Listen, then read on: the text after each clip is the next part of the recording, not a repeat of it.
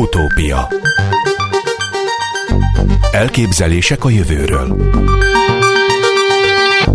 Najman Gábor műsora Három héttel ezelőtt beszélgettem először dr. Nyíri Gábor agykutatóval, a mostani interjú a folytatás annak. Üdvözlöm Nyíri Gábort ismét az utópiában, jó napot kívánok! Üdvözlöm!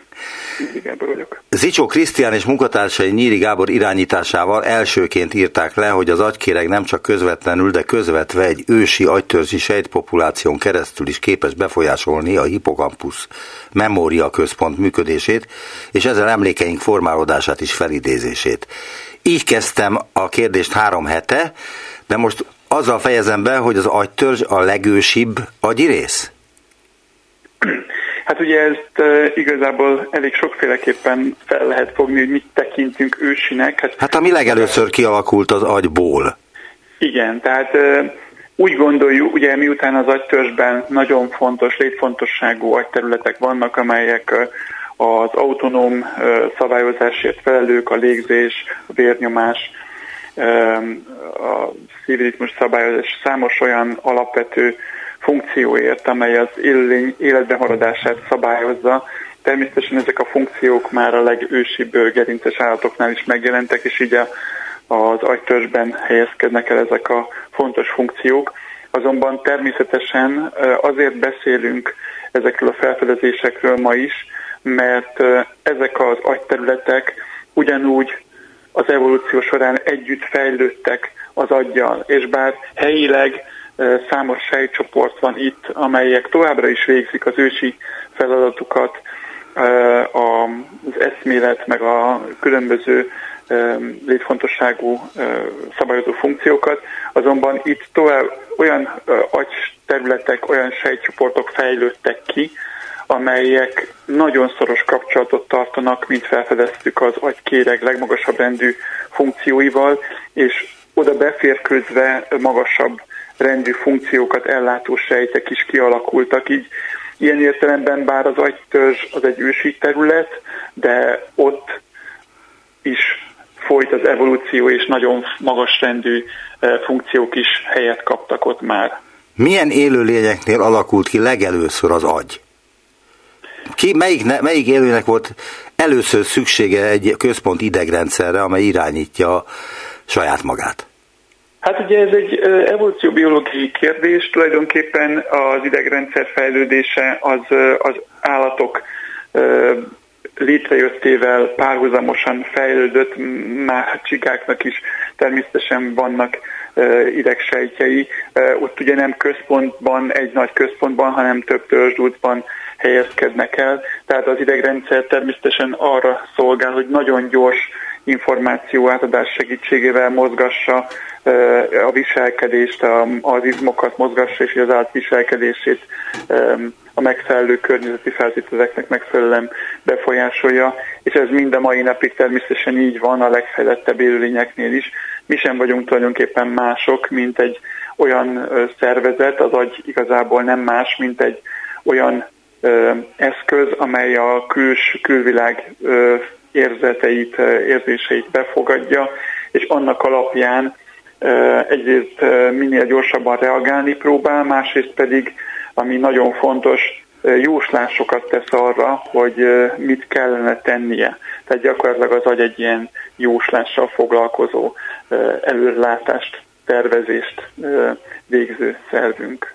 És már ez volt egyébként nagyon-nagyon régóta. A múltkor is kérdeztem, de nem igazán értettem meg az ön válaszát, ezért újra megkérdezem, hogy hogyan történik az emlékezés. Tehát elolvasok mondjuk egy sort, egy könyvből, miért emlékszem rá másnap? Ugyanarra a sorra, miért, hogyan tudom ezt felidézni, hogyan jelenik meg ez az agyban, tehát mi ennek a mechanizmusa? Egyszerűen úgy elmagyarázni, hogy amikor az ember elmegy egy új épületbe, és arra visszaemlékszik, akkor az hogyan történik. Igen. A hipokampuszban ez egy ősi kérgi terület az agyban, ez az egyik legelőször kialakult kéreg terület. És ott van a memória központja, ugye? És ott van egyébként a rövidtávú memória egyik központja, így van, és ezen a területen találhatók úgynevezett helysejtek. Ezt úgy kell elképzelni, hogy van több millió sejt a hipokampuszban, és nagyon leegyszerűsítve képzeljük el, hogy nem egy millióval, hanem öt. A, bemegyek egy épületbe, és ebben az épületben az egyes, a hármas és az ötös sejt fog aktiválódni. De hogyha bemegyek otthon a konyhámba az ablak felüli oldalra, akkor az egyes, a hármas és a négyes sejt fog aktiválódni.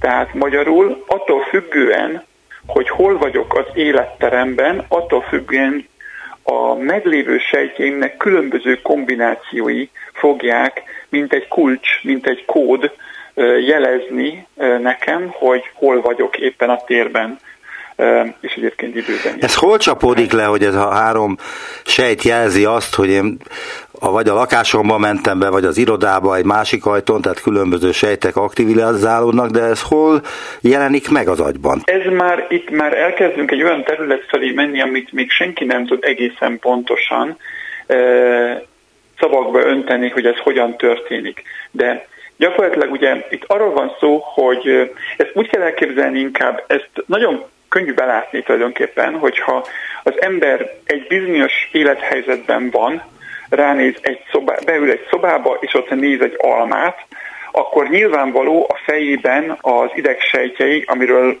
magától értetődően tudjuk, hogy a, ezeket a folyamatokat irányítják, másképpen működnek, más sejtek működnek, mint hogyha e, a, otthon a nappaliában ül és egy újságot olvas. Ez, ez magától értetődik.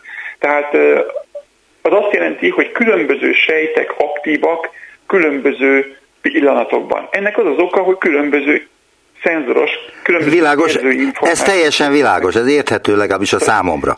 De Én azt nem értem, hogy ez hogy válik tudattá, hogyan válik ez, és melyik agyi részben válik ez tudattá, és melyik agyi részbe hogyan jut el? Hát ugye erről, erről van szó gyakorlatilag, hogy, hogy gyakorlatilag ezek a szenzoros információk bekerülnek a kérekbe, a kérekből bekerülnek például a hipokampuszba, a hipokampusz ezeket kódá alakítja, és ki, mind abban a pillanatban, mind pedig később képes előhívni. Az, hogy ez, hogy ez az egész agyunk, hogy, hogy maga a tudat hol van, ez ma, ma is rendszeresen vitatott. Ezt próbálom vannak, kideríteni. Akik, vannak, vannak, akik úgy gondolják, hogy a tudat az gyakorlatilag az agytörzsben van. A, a, a Hú, Várjunk csak, a... E- erre egy kérdést is írtam már, mint hogy Igen? hát gondolom mindenkit ez foglalkoztat a legjobban, mert ez az emberi kultúrának, meg az emberi fejlődésnek az alapja. Igen? Ha olyan helyzet előtt állunk, amelynél többféle reakció is megtörténhet, például melyik kezünkkel fogunk meg valamit, vagy milyen szót írunk le egy levélben, vagy merre menünk, menjünk, jobbra vagy balra. Hol születik a döntés az agyban? Tehát melyik agyi rész a domináns, és melyik nem? Nagyon sok érdekes dolgot kérdezett. Nem mindenre van egyáltalán válasz, és kicsit nehéz ezt úgy megközelíteni, hogy ne menjek bele részletekbe az információk az erről való ismereteikkel kapcsolatban. Világos, és azt meg nem, lehet, nem tudjuk megérteni, mert nem vagyunk de, eléggé képzettek arra. De nem, de nem el, kell, el, el tudom mondani azért ezt, tehát gyakorlatilag úgy gondoljuk, hogy a tudat, egy bizony, valakik úgy gondolják, hogy a tudat gyakorlatilag az agytörzsben van. Ennek az oka az az, hogy úgy, hogy úgy érvelnek ezek az emberek, hogy, hogy míg az agykérek számos különböző területét e, sérthetjük meg, akár nagyobb területeket is kivehetünk belőle, és az ember ember, emberi lény úgy, ahogy van, még továbbra is tudattal és működni fog, és, és létezni, és dolgozni, és barátai maradnak, addig elég egy, egy kb. milliméternyi területet megsérteni az agytörzsben, és a tudat elveszik teljes egészében. Miért, mi történik akkor? Mi történik az emberrel, a sérült emberrel, akinek az agytörzsében valamilyen sérülés történik? Hát gyakorlatilag attól függ, hogy hol sérül meg, ugye nyilván, hogyha a légzőközpont sérül, hát akkor meghal. Akkor, akkor, nem, akkor meghal. A legtöbb esetben, vagy komába esik, ez gyakorlatilag a legáltalánosabb uh, leírás ennek az állapotnak. Tehát valakik úgy ér, érvelnek, hogy ilyen értelemben a tudat az annyira fontos, de hát persze mások pedig úgy érvelnek, hogy ez csak egy jelenség, nyilván, hogyha nagyon fontos területek vannak az agytörzsben, akkor nyilvánvalóan annak a sértése az teljesen tudatvesztést okoz, hiszen az emberi lény maga biológiailag nem tud tovább létezni. De ez, ez is bonyolult, mert az agytörzsben vannak olyan, valóban vannak olyan, olyan sejtpopulációk, amik alapvető biológiai funkciókért felelősek, de vannak olyan például kolinerg, dopaminerg, szerotonerg, noradrenerg és egyéb más aktiváló rendszerek, amik általában az agy éberségéért felelősek. Tehát ezeket is el kell választanunk, ezért bonyolódik a kérdés. Mások pedig azzal érvelnek, hogy a, a legfelsőbb rendű tudatosság az gyakorlatilag a prefrontális kérekben, tehát az agyunk, a agykérek előső részében van. Itt vannak a legfejlettebb, leg, evolúciósan legújabb agyterületek, amelyek a, az asszociációkért, a magasabb rendű tervezésért, felelősek, és itt vannak olyan sejtek, olyan sejtcsoportok, amelyek esetében már az is tetten érhető, hogy az ember azon gondolkozik, hogy a gondolata mennyire biztos például. Tehát itt leírtak például olyan sejtpopulációkat, amelyek azzal arányosan aktiválódnak, hogy mekkora valószínűséget tulajdonít az illető annak, hogy amit gondol, az igaz. Tehát itt olyan magasabb rendű asszociációs funkciók vannak, amik tényleg az ember saját... És ez az agykéregben történik? Ez az agykéreg előső részében, Aha. a frontális Igen, de, de ha arra a kérdésre, amit az előbb kérdeztem, hogy Igen? mi dönt, melyik agyi rész dönt egy olyan helyzetben, amikor nem egyértelmű a, az embernek a válasza? Hanem többfajta válasz lehetőség is van. Akkor mi a, melyik az a döntő, az agytörzs, vagy a agykéreg, vagy melyik dönt ebben a kérdésben? Az igazság, hogy erről nincs, tehát, az ember, egyébként maga ez a beszélgetés, amit most folytatunk, egy nagyon érdekes példája annak, amiről szeretnék beszélni. Igen. Az ember, az emberiség során a tudósok a tudomány fejlődésével mindig szerettek volna kategóriákban gondolkozni. Az emberi egy egész egyszerűen úgy működik, úgy tudunk feldolgozni információkat, hogy azt mondjuk, hogy ez alma, ez körte, ez piros, ez kék. És szeretjük úgy raktározni és a gondolatokkal úgy játszani, hogy ezek az információk mint egy dobozban rendelkezésre állnak. Csak hogy az a helyzet, hogy ez az agyban nem lehet így mond, eh, egyértelműen kijelenteni. Az érzőkérekben nagyon sokáig úgy gondolták, hogy például az agy is ilyen kategóriákból áll. Van az érzőkérek, van a mozgatókérek, van a limbikus rendszer, ami az érzelmeinkért felelős, van a memória központ, stb. stb. De ma már tudjuk, hogy ez nem ilyen egyszerű. Az érzőkérekben vannak mozgatással kapcsolatban aktív sejtek, a mozgatóközpontban vannak az érzelmek, érzésekkel kapcsolatban aktív sejtek, a hipokampuszban és számos agyterületen nagyon sok különböző aktivitási mintázat van, amelyek összefüggésbe hozhatók másokkal. Tehát valójában sokkal inkább úgy kell az agyra gondolni, hogy a, például vannak, akik amellett érvelnek, és ezt mi is kezdjük így látni, hogy például a negatív élmények azok az agy alsóbb területein, például az agytörzsben realizálódnak. Tehát hiába például a hipokampusz nevű agyterületünk, amiről most már többször beszéltem, a memória központjának tekinthetők, ugyanakkor maga a hipokampusz nem tud önmagában emlékezni mondjuk egy negatív élményre. Ő csak mint egy könyvtáros tudja, hogy az agyban hol vannak azok a kódok, amelyek egy negatív élményt képesek előhívni és így a hipokampusz, mint egy könyvtáros, előhívja azokat a kis nyomocskákat, memórianyomokat, amelyek ehhez a negatív élményhez tartoznak. Például, ha az egy ember egy balesetet lát, egy csúnya balesetet, akkor a hipokampusz előhívja egy, egy autó memórianyomát, egy, a sárga szín memórianyomát, annak a városrésznek a memórianyomát, amit rögzít, és előhív egy nagyon negatív érzést is, amit akkor érzett, amikor a balesetet látta, és esetleg egy szenvedő embert látott. Ebben a pillanatban viszont ezt nem az agykéreg érzi ezt a rossz érzést, hanem úgy gondoljuk, hogy ezt leküldi az agytörzsbe, és az agytörzsnek a negatív élmény központjai aktiválódnak.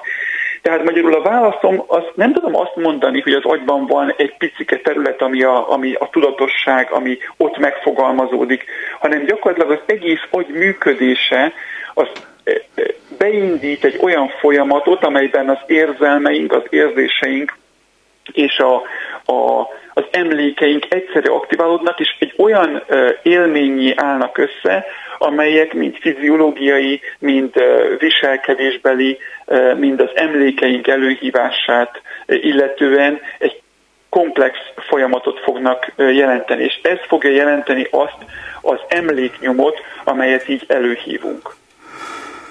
Köszönöm ezt a választ, amiből részben megértettem azt, hogy ez hogy történik, de részben nem. De azt hiszem, hát hogy ezt, nem tudja, mert a tudósok se tudják ezt, oka, persze. Mert ez, ennek egészen pontosan ezt nem tudjuk, hogy, hogy, hogy illetve azt gondoljuk, hogy az agy egésze hívja elő az emléknyomokat. Van egy olyan film, amiben a főhős egyre nagyobb részt tud használni az agyából, ezáltal szuperhősé válik.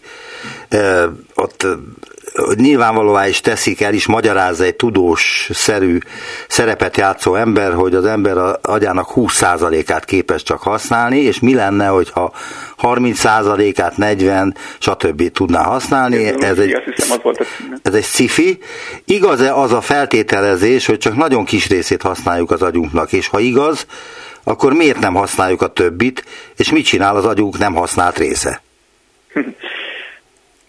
Oké, okay, ezt sok oldalon meg lehet közelíteni ezt a kérdést, például onnan, hogy az egész tudomásunk szerint onnan ered, hogy Einstein mondta, hogy csak 10%-et használjuk az agyunknak.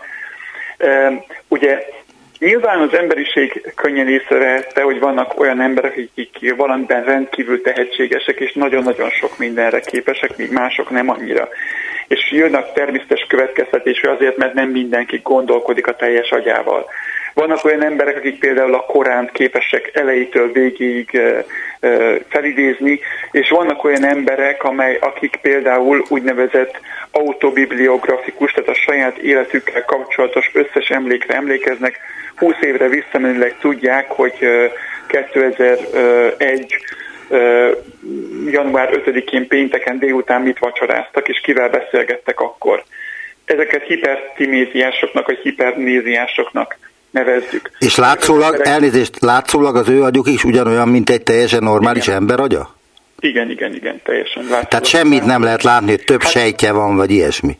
Hát természetesen vannak különbségek, vélhetően a kapcsolatok száma az más ezekben az embereknek az agyában, és természetesen mindenféle eltérés két ember között az kell, hogy realizálódjon a fizikai világban, a sejtek kapcsolataiban, tehát nyilvánvalóan mikroszkópos szinten van különbség, de az ember csak így ránéz az agyára, egy MR felvételen vagy egy CT felvételen nem fog látni semmi különbséget. Világos. Tehát léteznek olyan emberek, akik rendkívüli, elképesztő memóriával rendelkeznek, és ebből felvételezhetné az ember egyszerűen, hogy hát biztos azért van ez, mert nem mindenki használja az agyát. Nos, ez nincs így. Mindenki a teljes agyát használja minden egyes sejtjét, mindenkinek minden sejtje száz százalékban működik folyamatosan.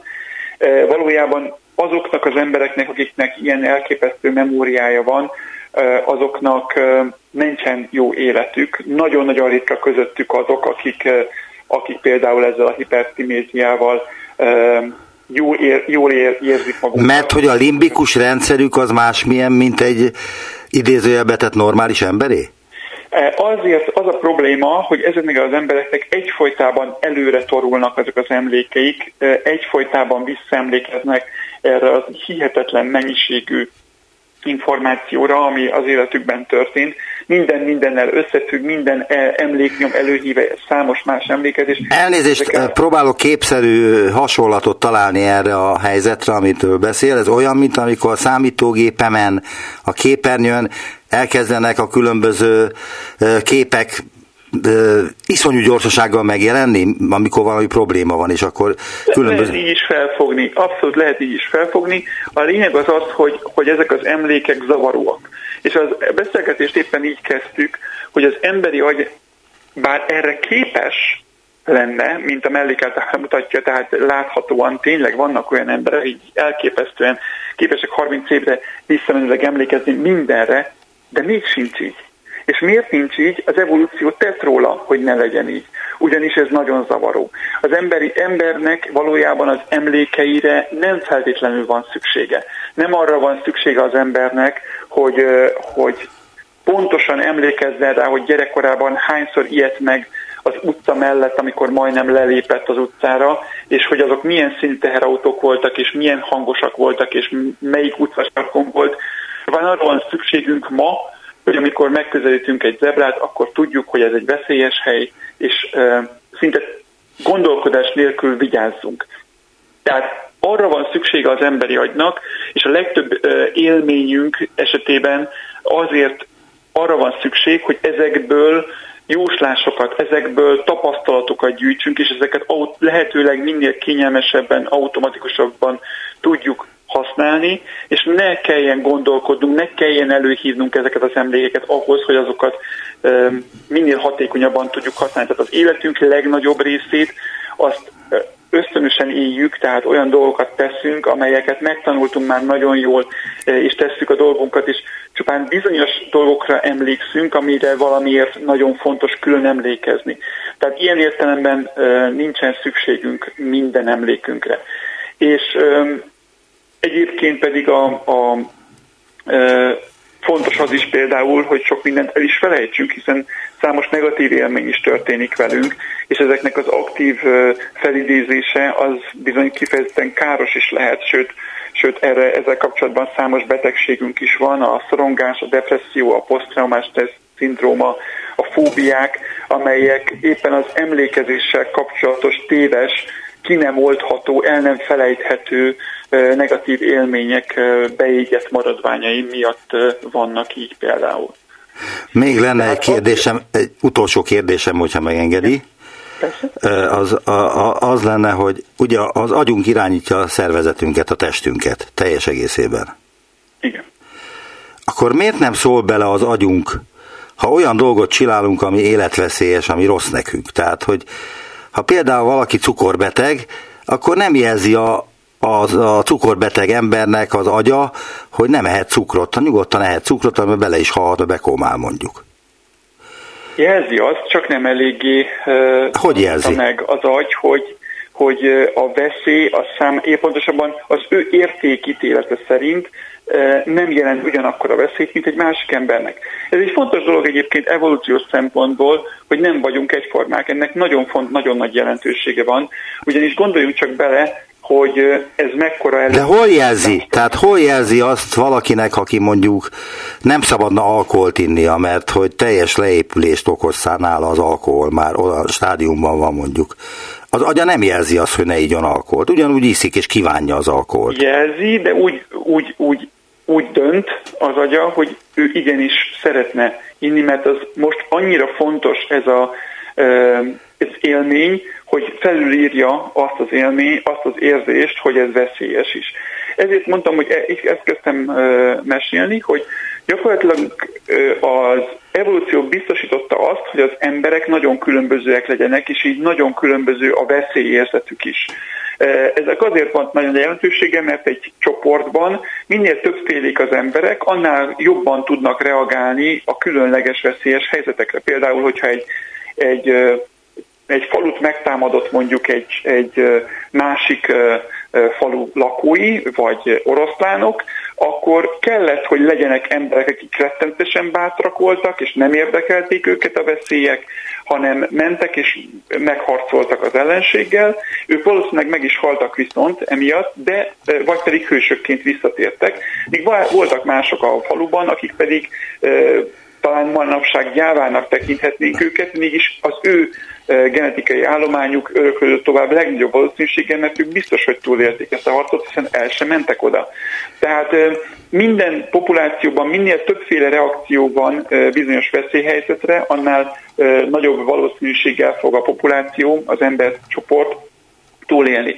És ezért vagyunk, vannak olyanok közöttünk, akik nem ö, foglalkoznak annyira a veszéllyel, ejtőernyőznek, siklóernyőznek, vagy, vagy extrém sportok, egyéb extrém sportot űznek, és ezt élvezik.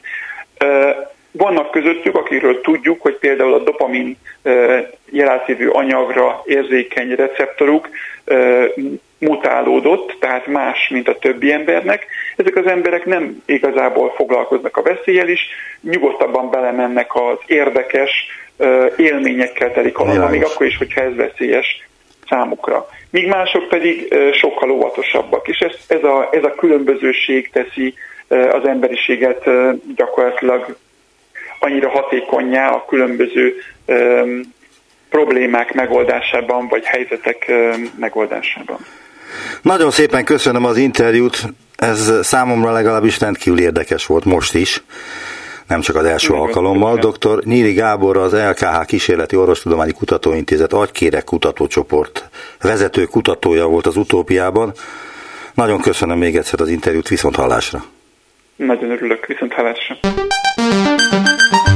Utópia a szociális viselkedés bonyolult rendszerében az érintésnek fontos szerepe van, egy kedves gesztus, ölelés, válveregetés társas kapcsolatainkat erősíti. De vajon érintés hatására mi történik az agyunkban?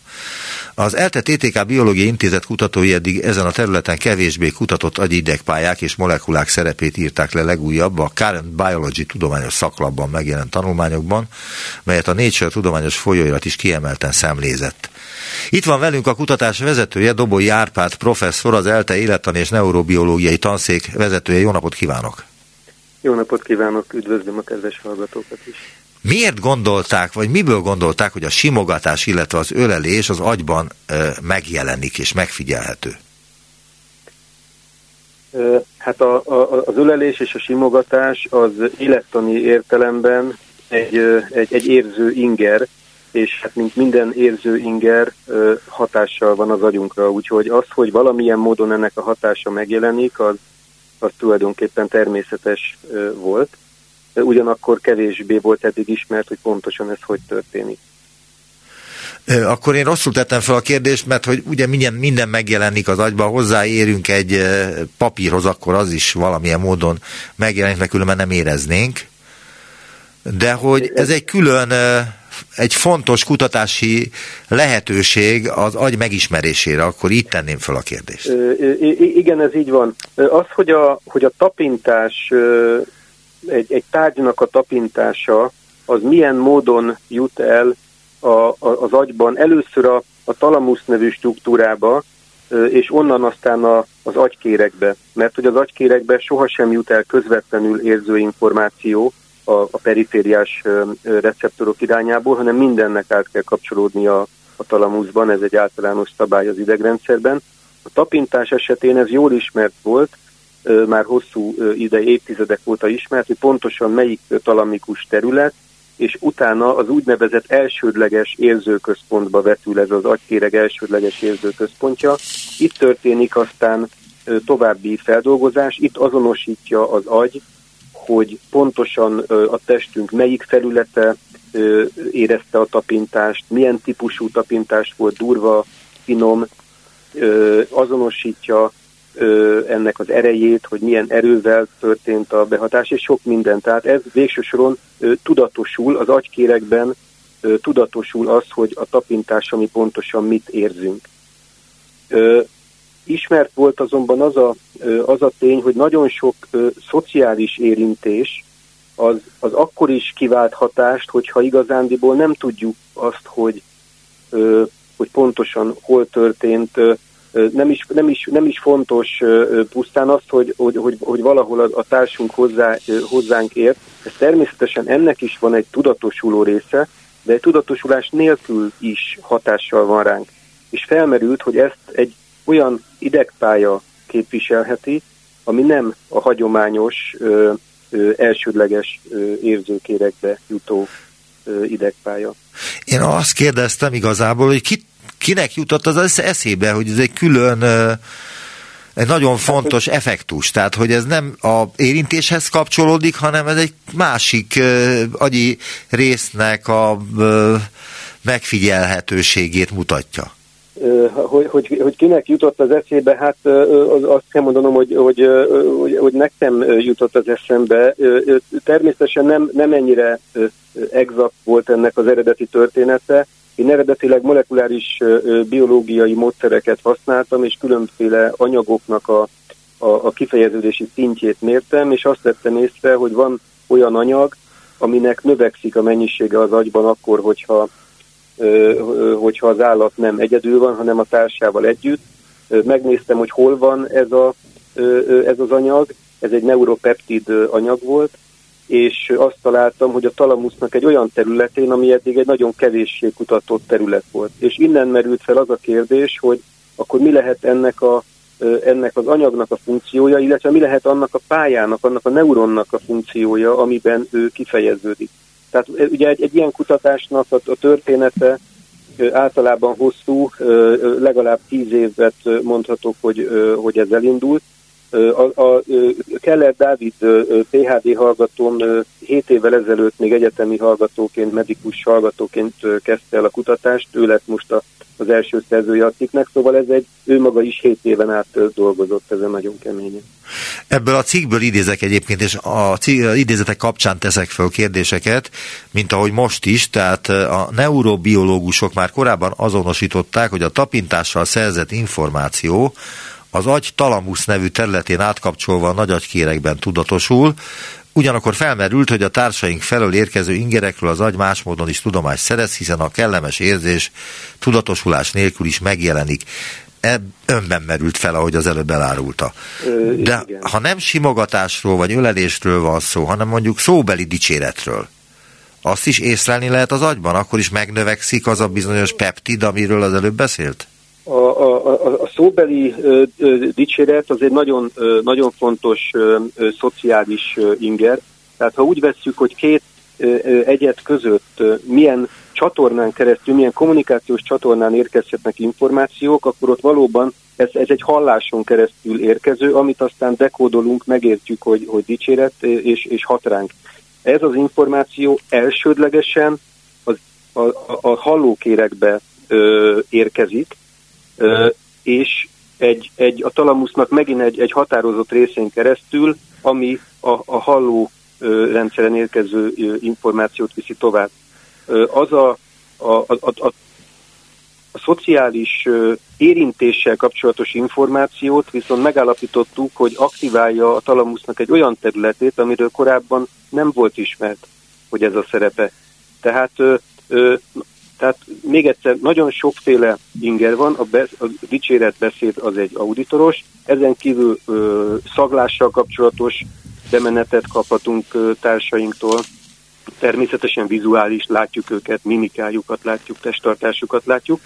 Ö, amivel mi foglalkoztunk, hogy elhelyezzem ö, a, a kommunikációk sorában, az, a, az az érintéssel járó bemenet, amikor fizikai kontaktus jön létre Világos, értem. patkány között. Értem, Tehát ugye patkány kísérleteket végeztünk csak, de természetesen lehet abban gondolkodni, hogy, hogy emberben ezek a dolgok hogy vannak. Mi egyébként a, a pályát tulajdonképpen bizonyos elemeit emberben is leírtuk a, a cikkünkben, de olyan alaposan, funkcionálisan nem tudtuk elemezni, ahogy, ahogy patkányban.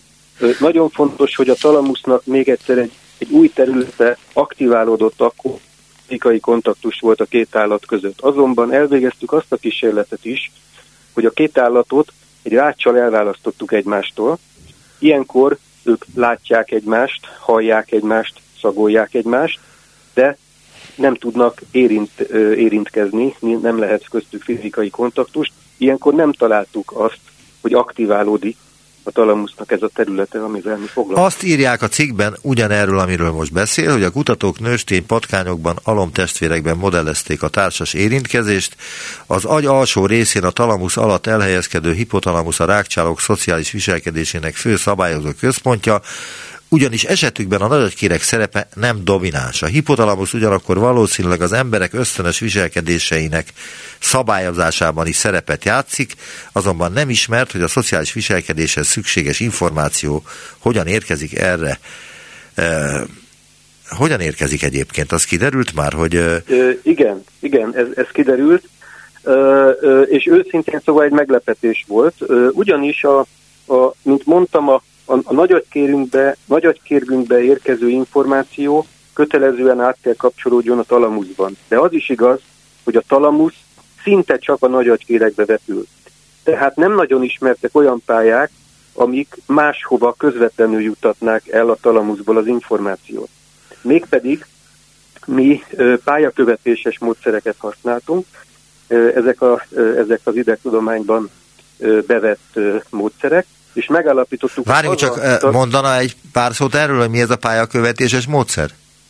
A pályakövetéses módszer az azt a célt szolgálja, hogyha valahol találok egy neuroncsoportot, például mi találtunk a talamusznak egy, ugye ezen a hátsó részén egyet, azt is megállapítottuk, hogy aktiválódik akkor, mikor szociális kontaktus van, de nagyon fontos, hogy az itt levő neuronok a nyúlványaikat hova, hova ö, vetítik. Tehát tulajdonképpen hol találhatók, mi, mely, az agynak milyen része az, amire ők képesek hatással lenni.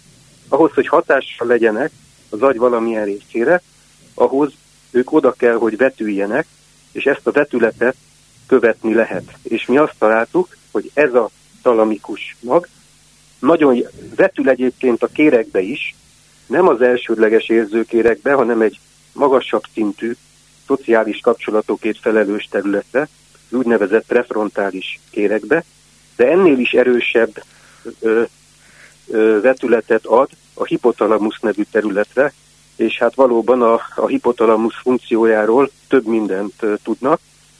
Hát az az emlékezés központja, nem? Nem, az emlékezést, az emlékezést azt nem, nem nevezném a, a hipotalamus elsődleges szerepének. Az emlékezés az kifejezetten a, egy, egy agykérgi folyamat, tehát amikor, amikor a memória az azért elsősorban az agykérekben tárlódik, legalábbis a szociális memória biztosan. Egyszerűbb memóriák persze vannak, amik reflexek. Tehát ezt én rosszul volt. tudtam, hogy a hipotalamus az a memóriának az egyik legfontosabb szereplője?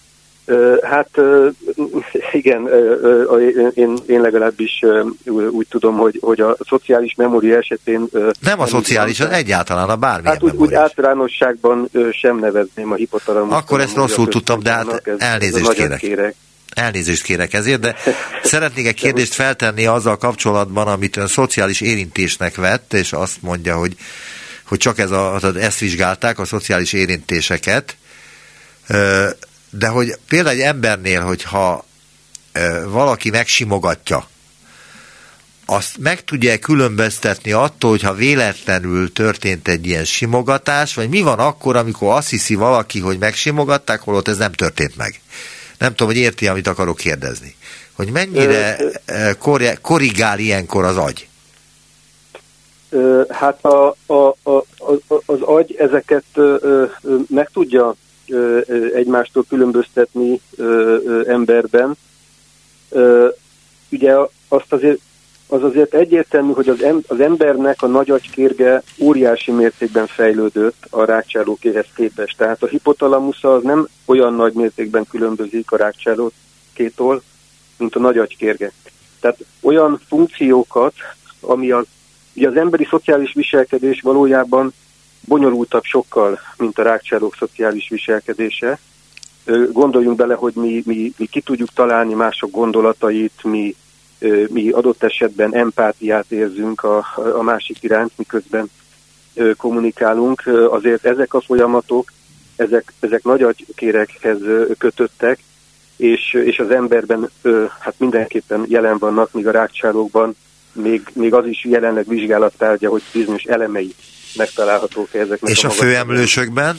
Vagy az hát ember szabású majmokban? A főemlősökben már jelen vannak, nekik a nagy agykérvük is erősebb, de hát főemlősökkel idegtudományi kísérleteket végezni nagyon-nagyon limitált formában lehet csak. Tehát, hogyha... Ha, ha Igen, de emberekkel végezhettek volna kísérleteket, hiszen ez nem fájdalmas valami beavatkozás a szervezetbe, hanem EEG-vel is lehet ezt, vagy nem? Hát az igazság az, hogy az EEG-vel ugye az azt jelenti, hogy elektródokat tenni igen, igen. a hajra, nem lehet pályakövetéses vizsgálatokat végezni, mert egyszerűen a, a, a térbeli felbontása ennél durvább nem teszi, nem teszi lehetővé.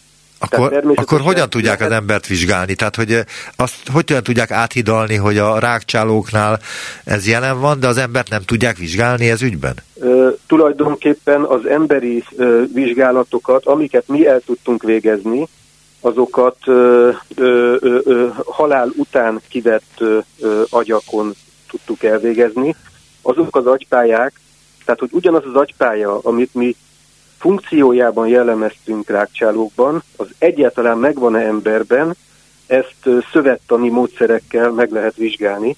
Tehát egy halott ember, aki felajánlotta az, az agyát erre a célra, ő benne le tud, meg tudtuk nézni, hogy, hogy a, az adott neuronok jelen vannak-e, meg tudtuk nézni, hogy az a peptid, amit említettem, jelen van-e, de funkcionális vizsgálatokat mi nem végeztünk emberben.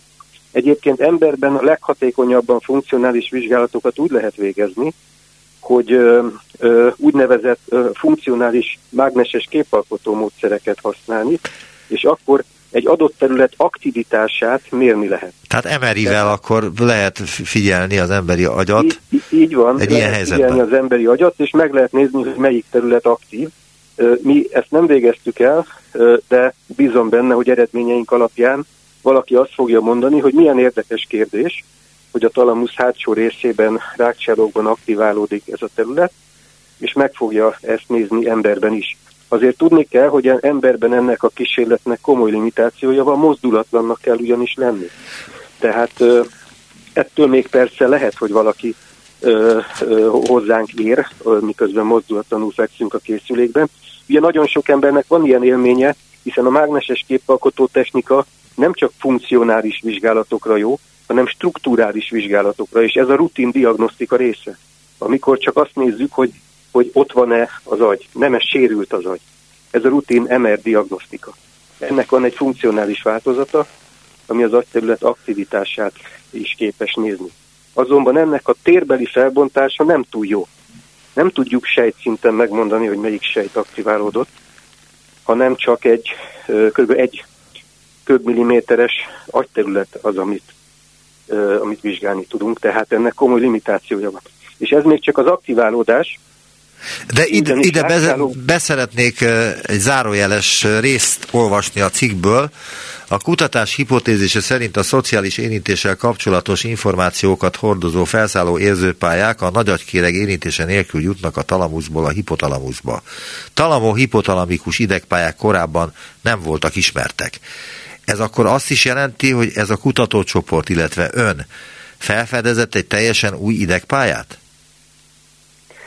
Ö, hát ö, igen, tulajdonképpen ö, így, így, így fogalmaznék, valóban nem volt ismert az, hogy a, ö, hogy a talamusznak ez a területe, ez a hátsó, hátsó alsó részén levő terület, ez a hipotalamuszba vetülne viszont mi ezt elég egyértelműen igazoltuk anatómiai eszközökkel, histológiai szövettani eszközökkel, de ugye ennél azért tovább tudtunk menni, mert nem csak az aktivációját tudtuk megvizsgálni, és itt nagyon fontos, hogy rákcsálókban lehet olyan módszereket használni, amivel gátolni lehet a neuronok aktivitását. Tehát meg lehet akadályozni, hogy az a neuron aktívvá váljon.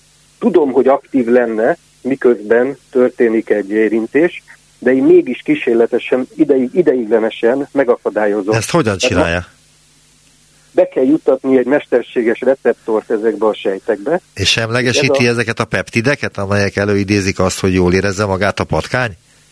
Lehet a peptideket semlegesíteni, az, egy, az is, azt is csináltuk, az egy farmakológiai megközelítés, mikor a peptidet nem engedem, hogy hozzákapcsolódjon a receptorához, de lehet magát az egész neuron. Egyszerűen nem engedem, hogy, hogy kisüljön a neuron, nem engedem, hogy a membrán potenciája változzon. Ezt úgy lehet, hogy beépítek a membrán potenciájába egy olyan csatornát, ami egyszerűen nem engedi meg azt, hogy, hogy ő, ő aktívvá váljon. És mi ezt elvégeztük, és megnéztük, hogy mi történik akkor az állatok viselkedésével. És mi történt? A, megakadályozom ennek a neuronnak az aktivitását. Az történt a viselkedésével, hogy többet nem akartak tulajdonképpen egymáshoz érni. Tehát az a fajta viselkedés, ami, ami jellemzi őket, ha összeeresztek két patkányt. Ugye ezek azért nőstény patkányokkal dolgoztunk, mert nem akartuk bonyolítani azokat a viselkedés elemeket, amiket elemzünk. Igen. Nem akartunk agresszív viselkedést látni, két hím patkányt raktunk volna össze, akkor ők esetleg agresszívak egymással. Későbbiekben fogjuk ezt vizsgálni.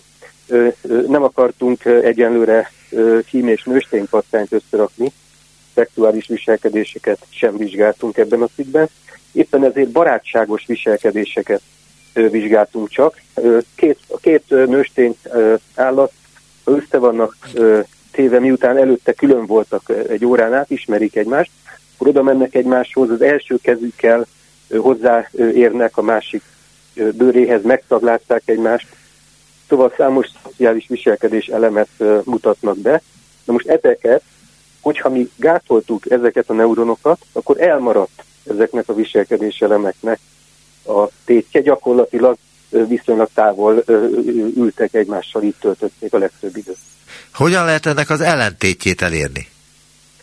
Az ellentétjét azt úgy lehet elérni, hogy a szintén hasonló módszerrel mesterséges receptort juttatunk be ezekbe a neuronokba, tehát a talamikus neuronokba.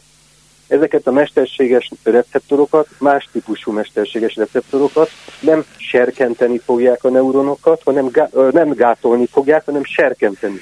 Tehát még sokkal nagyobb. És akkor hogyan viselkednek? Tehát kipróbálták-e ezt? És... Igen, igen, elvégeztük ezt a kísérletet, és ilyenkor szinte megállás nélkül egymás tisztogatásával töltötték az időt, tehát jelentősen megnőtt a direkt kontaktussal járó szociális interakcióknak a mennyisége. Na most akkor megkérdezném, amit ilyenkor mindenki megkérdezne, hogy akkor ennek mi lesz a következménye. Azt írják a cikkben, hogy ennek a felfedezésnek jelentősége lehet a későbbiekben a gyógyításban is, hiszen számos betegség vele járója a fizikai kontaktus kerülése, pedig azt bizonyítottan tudjuk, hogy megléte pozitív hatást vált ki. Ha ismerjük ezeket az idegpályákat és mechanizmusokat, hosszú távon jobban megérthetjük, hogy miért alakul ki a fizikai kontaktus kerülése, és et- esetlegesen ezeket a folyamatokat megelőzhetjük, az egyén számára kedvezően befolyásolhatjuk. Tehát, hogy ez egy sor emberi betegséget, depressziót, az autizmus bizonyos fajtáit ezzel lehetne gyógyítani, nem? Ez, számos neuropszichiátriai betegségnek van olyan tünete, hogy, hogy, hogy, a, hogy a betegek szociális kapcsolatai megváltoznak, ezen belül az érintéssel járó szociális kapcsolatai is. Valóban, ahogy említette, a depressziót sokat skizofréneknél előfordulhat ilyen. Az autizmus spektrumzavarban ez az egyik elsődleges tünet, tehát nem biztosan nem csak mellékesen történik más folyamányaként, hanem ez az egyik elsődleges tünet.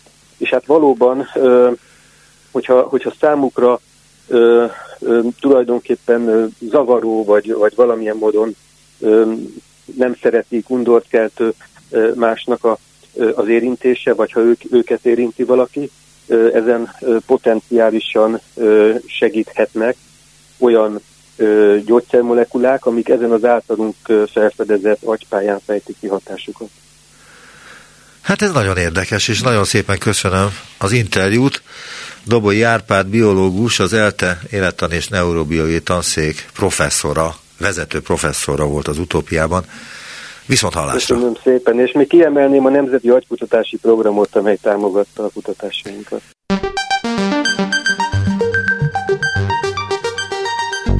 Visszaértünk a jelenbe. Neumann Gábor utópia című műsorát hallották.